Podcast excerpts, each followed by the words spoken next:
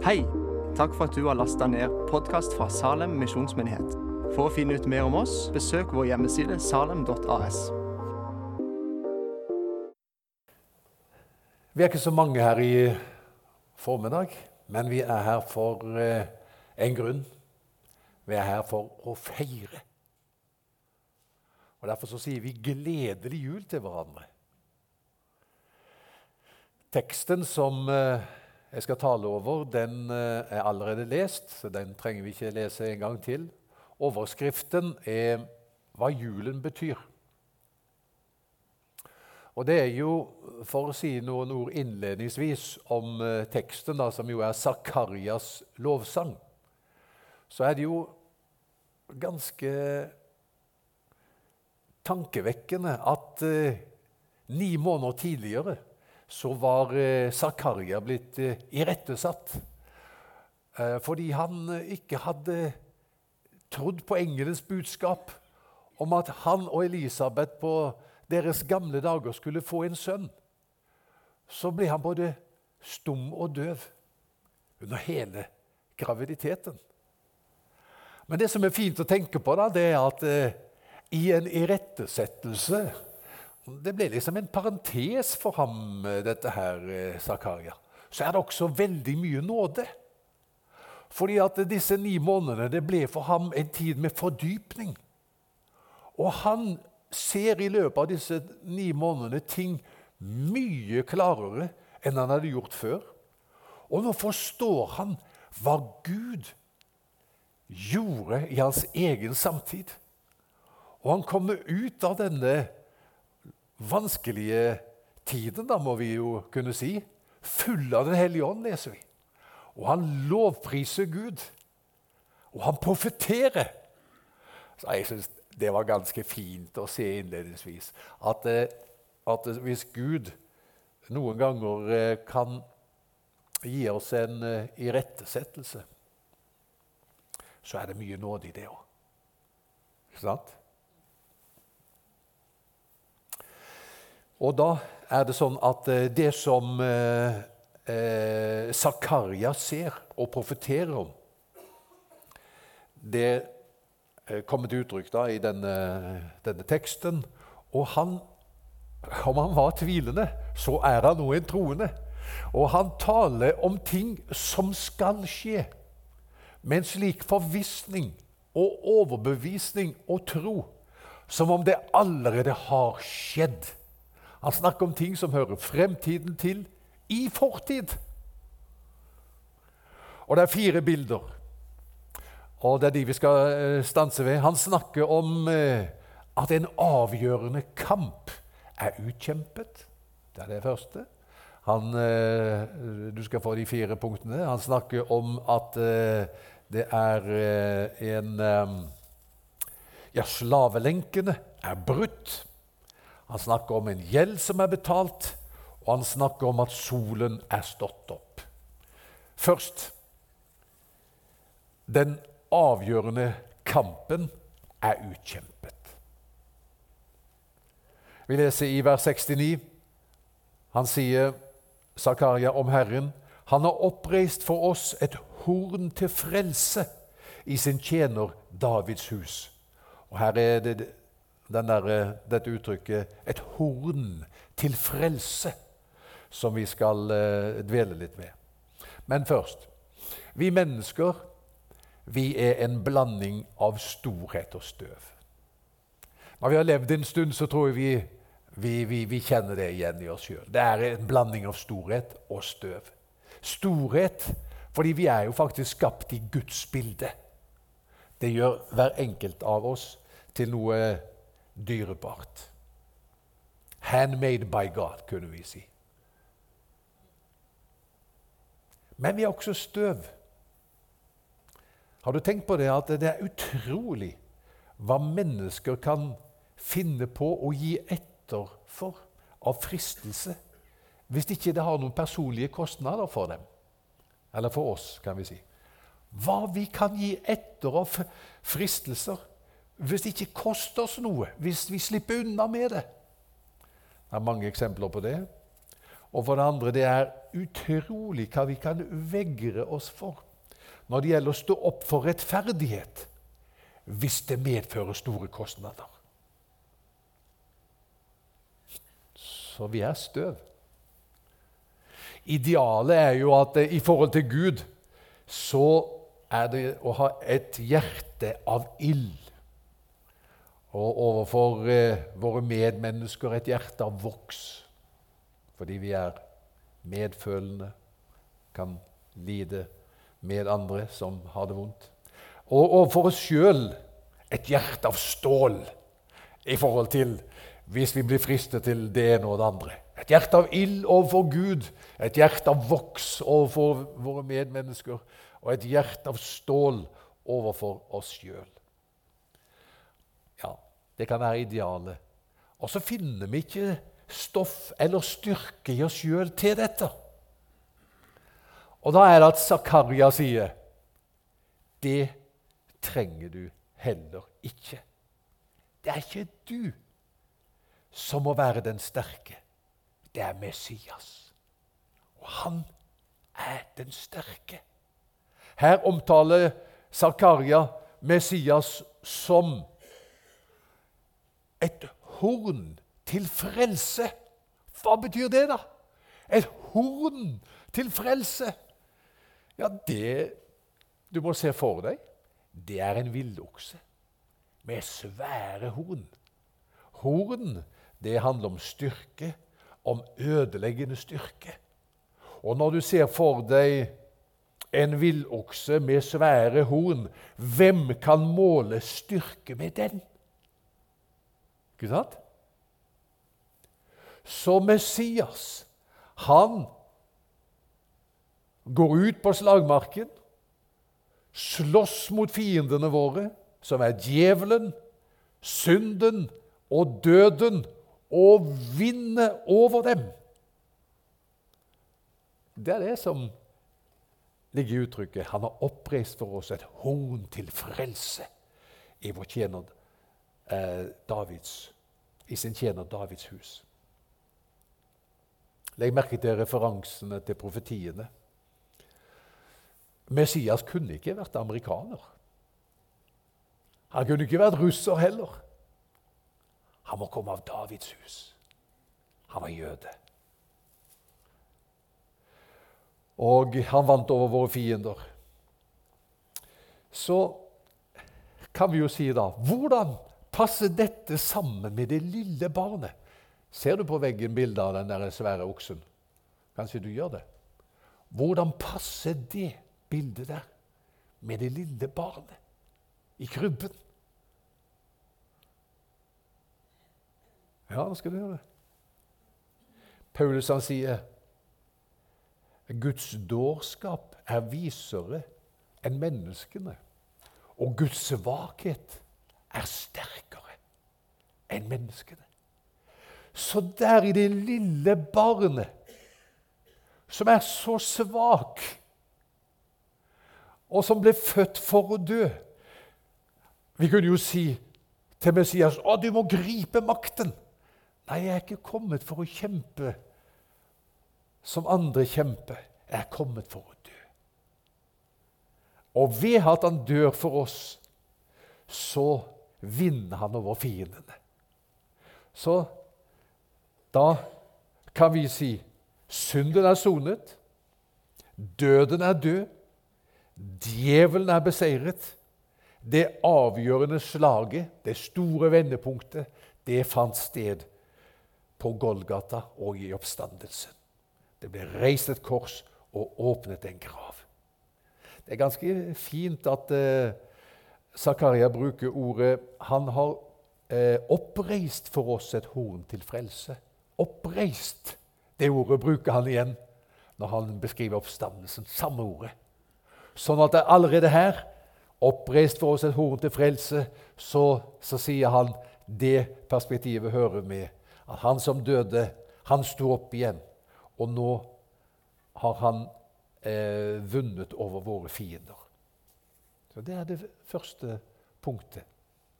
Den avgjørende kampen er vunnet. vendepunktet i krigen har funnet sted. Vi husker jo hvordan, eller Det husker vi ikke, men vi har jo lest i, Kanskje noen av dere husker forresten. Selvfølgelig gjør dere det. Men D-dagen Hva var det? 6. juni, var det det? 1944? D-dagen. Jeg kan ikke si at jeg husker det. Det var eh, enda tolv år før jeg var født. Men det var vendepunktet. Og fra det tidspunktet så visste alle det er ingen tvil Hitler-Tyskland har tapt. Krigen er vunnet før freden egentlig var kommet. Det store vendepunktet var invasjonen i, Normandie. Og så kan også vi feire i dag. Det store vendepunktet det fant sted da han ble født. Og døde og sto opp igjen for oss. Så det var det første. Den avgjørende kampen utkjempet. Det andre punktet det var Fire punkter, husker du. Det andre punktet slavelenken er brutt.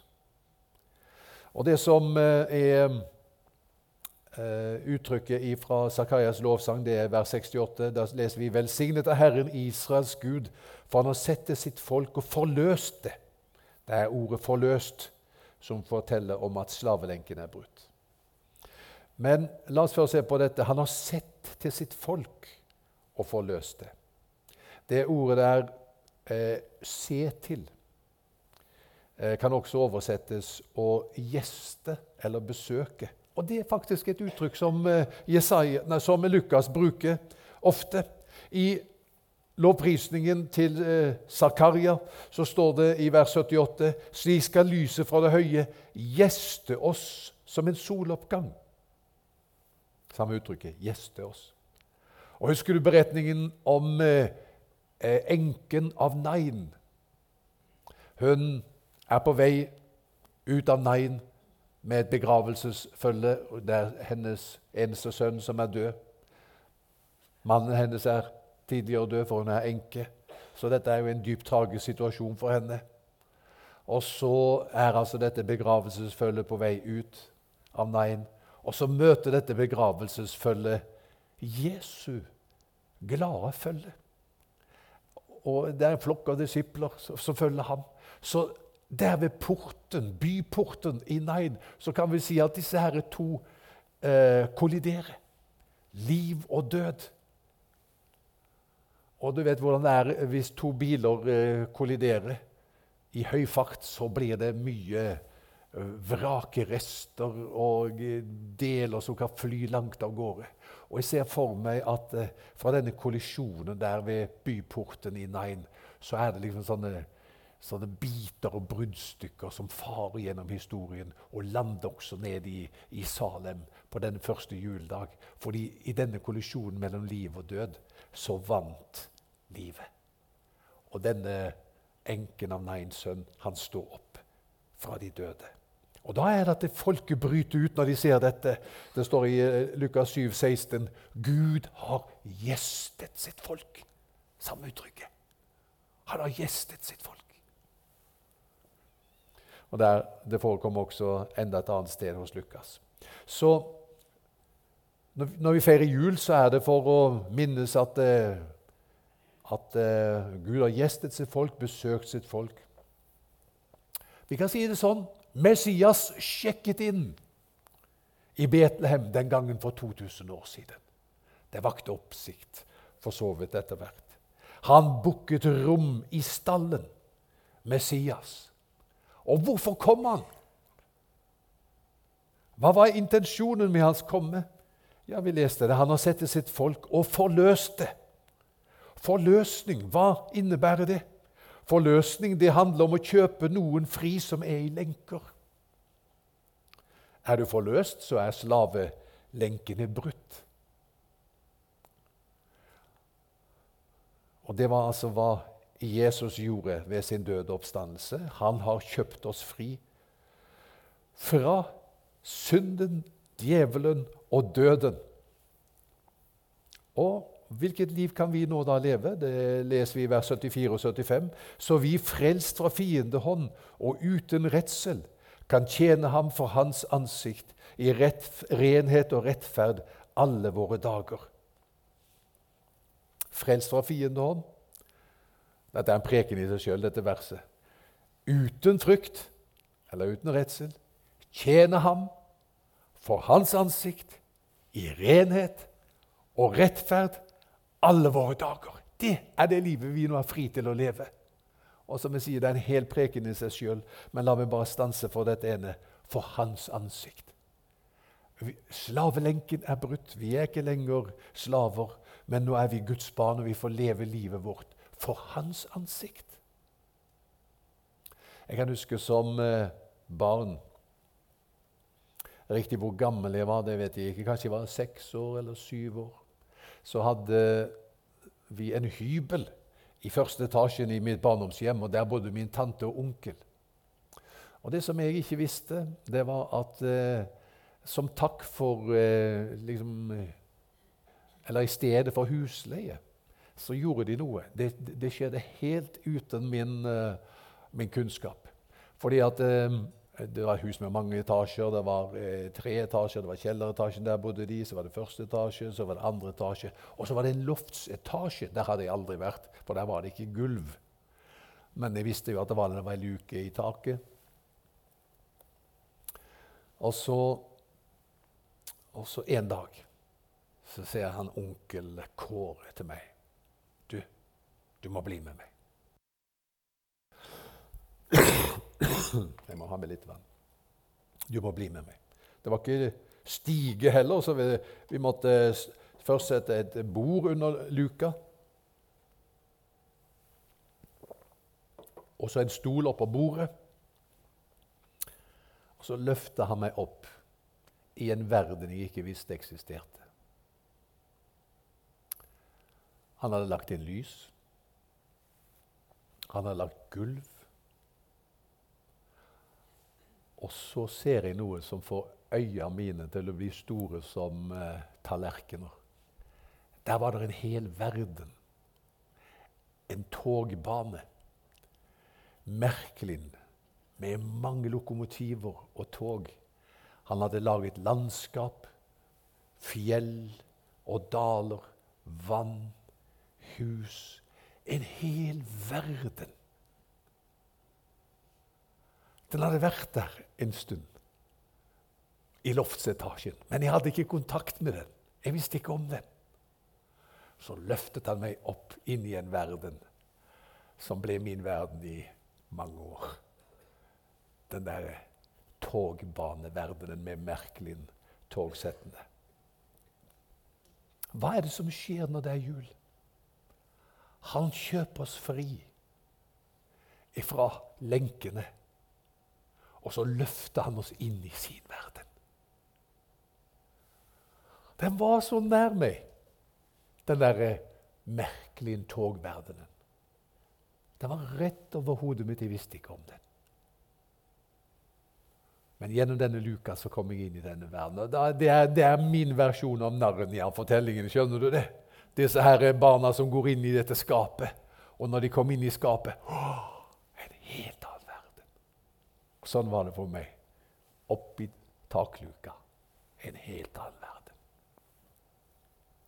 Så det er det. Slavelenken er brutt. Du er forløst. Han har sett sitt folk og forløst. Han har gjestet deg. Du er fri. Det tredje det er gjelden er betalt. Og det uttrykket finner vi i eh, Eller det bildet finner vi i eh, vers 77. Der står det om Johannes at han skal gi hans folk å kjenne frelsen når deres synder blir tilgitt. Og det at syndene blir tilgitt, det kan sammenlignes med at en gjeld blir sletta. Det er det det handler om. En gjeld blir slettet. For det, pga. våre synder så står vi alle i et gjeldsforhold til Gud. Og vår ulykkelige situasjon er at vi har ikke noe å betale med den gjelden der. Men evangeliet sier Jesus betalte. Og de gamle pleide å si 'Sønnen betalte'. La det være nok. Ikke prøv å legge noe til. Sønnen har betalt. Det er nok. Relasjonen er opprettet. Gjenopprettet.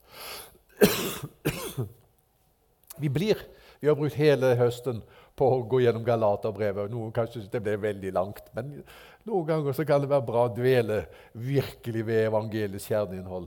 Og da har vi sagt mange ganger når vi har gått gjennom Galaterbrevet vi blir ikke frelst ved å samle på fortjenstfulle gjerninger, men ved å ta imot syndenes forlatelse. Har du fått syndenes forlatelse? Da sier Bibelen da er du frelst. Ja, for det sto han skal gi, han skal gi eh, eh, hans folk å kjenne frelsen når deres synder blir tilgitt så har du fått dine synder tilgitt. Da er du frelst. Og hva, er, hva handler frelse om? Frelse handler bl.a. om åndelig sunnhet og helse. Åndelig sunnhet og helse. Du er frelst. Åndelig sunnhet og helse. Luther han pleide å si der det er syndenes forlatelse, der er det liv og salighet. Du har det.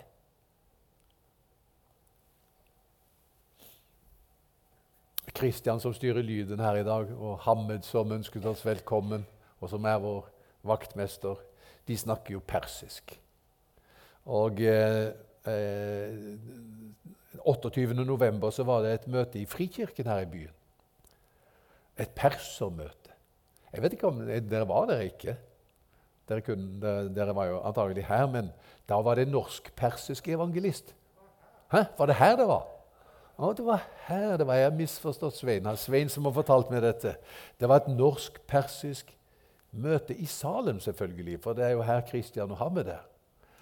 Og, eh, og, eh, så var det en som er evangelist i Frikirken, som har bakgrunn fra Iran, som uh, fortalte sitt vitnesbyrd. Slik var det. Og Nå skal du høre hva, skal du ha et lite, lite bruddstykke av hva hun fortalte.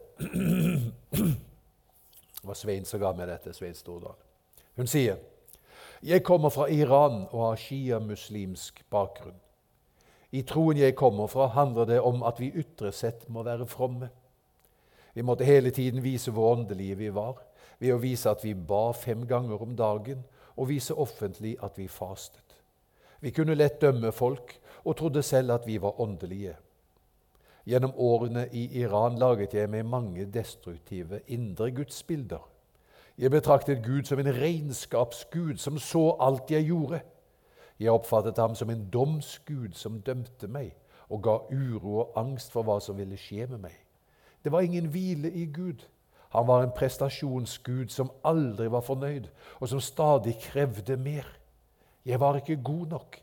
Jeg hadde ingen erfaring av å være elsket akkurat som den jeg er.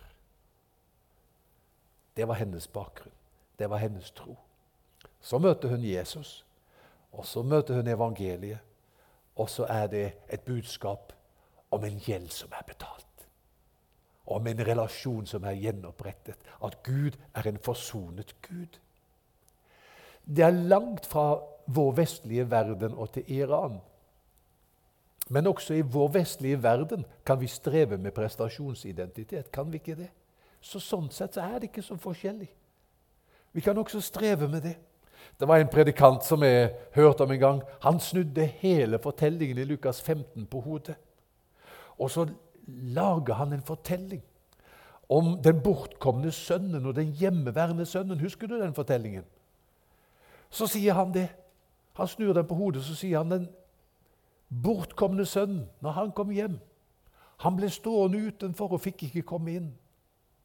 Men den hjemmeværende sønnen, han som hadde vært hos pappa hele tida og tjent ham trofast og gjort alt sånn som han skulle, så står det at faren hentet ham inn.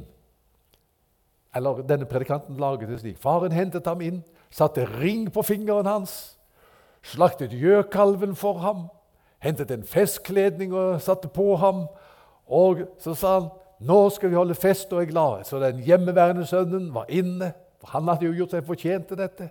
Og den bortkomne sønnen, han som hadde spilt, forspilt arven og levde et vilt liv, han sto ute i kulden og mørket. Og Når han forteller denne fortellingen, så er det en dame nede i salen som roper høyt og tydelig. Det var sånn det skulle vært. Ja. Da har vi en prestasjonsidentitet.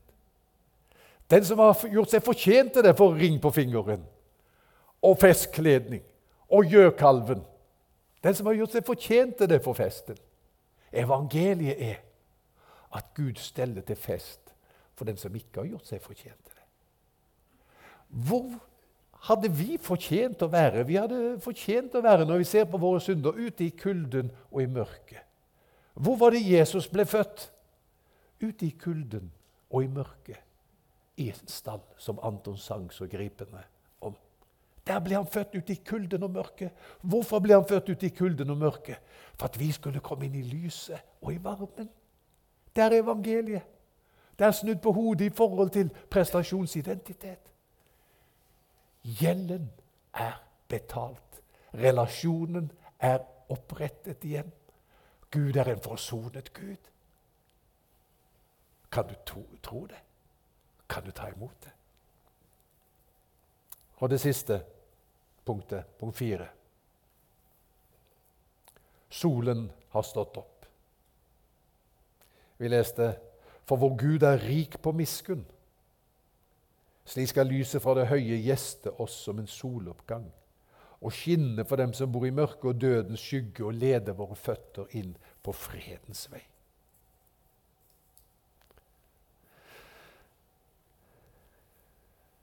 Det er mye godt i denne verden. Det må vi jo si først.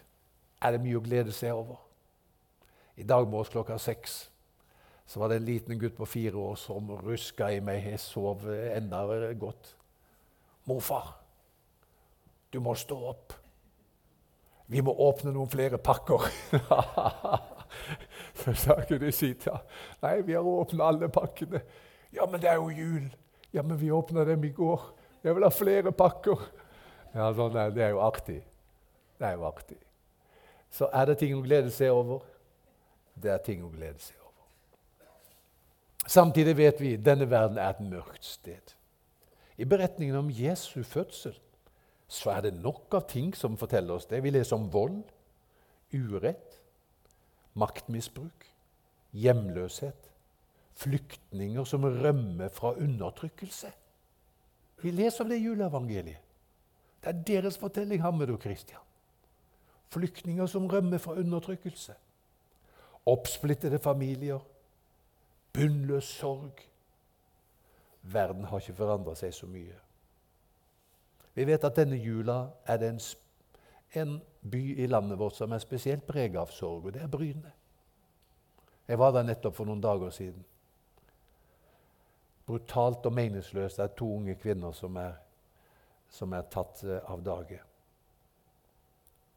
Og vi har to gutter, unge menn, i kirkeasyl som er atskilt fra sine kjære i dag. Det, det er et mørkt sted. Og som Åse, du sier, også på en gledens dag som, som når det er jul, så, så, kjenner vi også på savnet. Det er en stol som er tom. Da trenger vi lys utenfra. Vi finner ikke det lyset vi trenger her ved å bare se blant menneskene. Vi trenger lys ovenfra, utenfra. For å kunne leve livet på jorda så trenger vi en himmel over oss. dere. Og lyset ovenfra. Og det er det Gud sier, for vår Gud er rik på miskunn. Slik skal lyset fra Hvor kom det fra? Fra det høye gjeste oss som en soloppgang så selv om denne verden er et mørkt sted, så har lyset brutt inn i verden. Og han sier til oss det gryr mot dag. Når andre tenker det går mot natt, så vet vi det, er ikke, det går ikke mot natt, det går mot dag. Det gryr mot en ny dag, mot en ny himmel og en ny jord. Jeg hørte en eh, journalist i Vårt Land fortelle om deres sorg og den vanskelige tiden som fulgte etter at eh, de fødte et dødfødt barn. De hadde ventet så lenge på Tomine, ni måneder. Og Like før termin så kjenner mor at, eh, at, eh, at det er ikke liv i magen. Og han sier er unnet, unner ingen å føde et dødt barn. Han var en kristen. Det rysta liksom hele tilværelsen hans. Trøsten fant han i Guds ord på Bibelens første blad, der han leser Jorden var øde og tom. Mørket lå over dypet, og Guds ånd svevde over vannet. Da sa Gud, det skal bli lys. Og det ble lys. På forunderlig vis så ser han at Bibelen eh, ignorerer ikke dette at det kan være mørkt. Den kan si ikke det, du, du, tror det er mørkt, men det er egentlig ikke mørkt. Ja, Vi kan kjenne på at det er mørkt. Men midt i mørket så kommer Gud, og så sier han det skal bli lys. Og så blir det lys. Sånn ble det også for dem. Og Han fant trøsten i dette at nå er Tomine i himmelen. Og Derfor skrev han en bok som heter 'Du som er i himmelen'. En bok om Gud som er i himmelen, men også om Tomine som er i himmelen. Og så sier han og, Ja, kanskje du Kanskje du synes det var rart. Jeg syntes det var litt rart, det òg. Men i begravelsen så sang de 'Bæ, bæ, lille lam'. Vet du hvorfor? De hadde gleda seg sånn til å synge den sangen for henne. Ser du? Og så følte de vi fikk aldri synge den sangen. Ja, men du er i himmelen. Tomine, hører du? Nå skal vi synge for deg. Sangen i bæ, bæ, lille lam. Er det fint? Så hvordan har du det i dag? Kanskje kjenner du deg litt igjen i dette som står i 1. Mosebok kapittel 1. Det var øde og tomt og mørkt. Da står det at Guds ånd svevde over vannet. Som en hønemor ruger på egg, så kommer ånden å ruger over det som er øde og tomt og mørkt. For ordet 'svevde' kan også bety ruge. Så det er to bilder. Sveve over vannet, eller det er som en hønemor som ruger på egg. Hva er det som skjer når en hønemor ruger på egg? Da kommer den med sin varme. Så ånden sier ikke så mye til deg først i dag. Hvis det er øde og tomt og mørkt. Hva gjør han da? Han kommer med sin varme. Sier han 'jeg er der'. Jeg er hos deg. Jeg er hos deg. Og så sier han, 'Det blir lys'. Så kommer med lys inn i din tilværelse. Hvis jeg var kunstmaler Jeg er ferdig med talen. Hvis jeg var kunstmaler, dere, så ville denne jula ha tegnet eller malt Zakarias lovsang. Da skulle jeg ha begynt med å tegne bakgrunnen. Det skulle være en spektakulær soloppgang. Så ville jeg et, malt et fengsel. Og der ville jeg malt sånn at eh, døra var åpen. Og jeg ser at lenkene som var der, de er brutt. Og så ville jeg på andre sida malt et, eh, et kors. Og så et stort gjeldsbrev på det der. Gjeld. Og så vil jeg festet, få det til sånn at det er festet på korset. Og så vil det stå på engelsk 'paid in full'. Betalt, ikke sant? Og på midten av det maleriet så vil jeg ha malt eh, en svær okse. Med noen svære horn. Og ved føttene til den oksen så ligger det en ulv. Og den er død.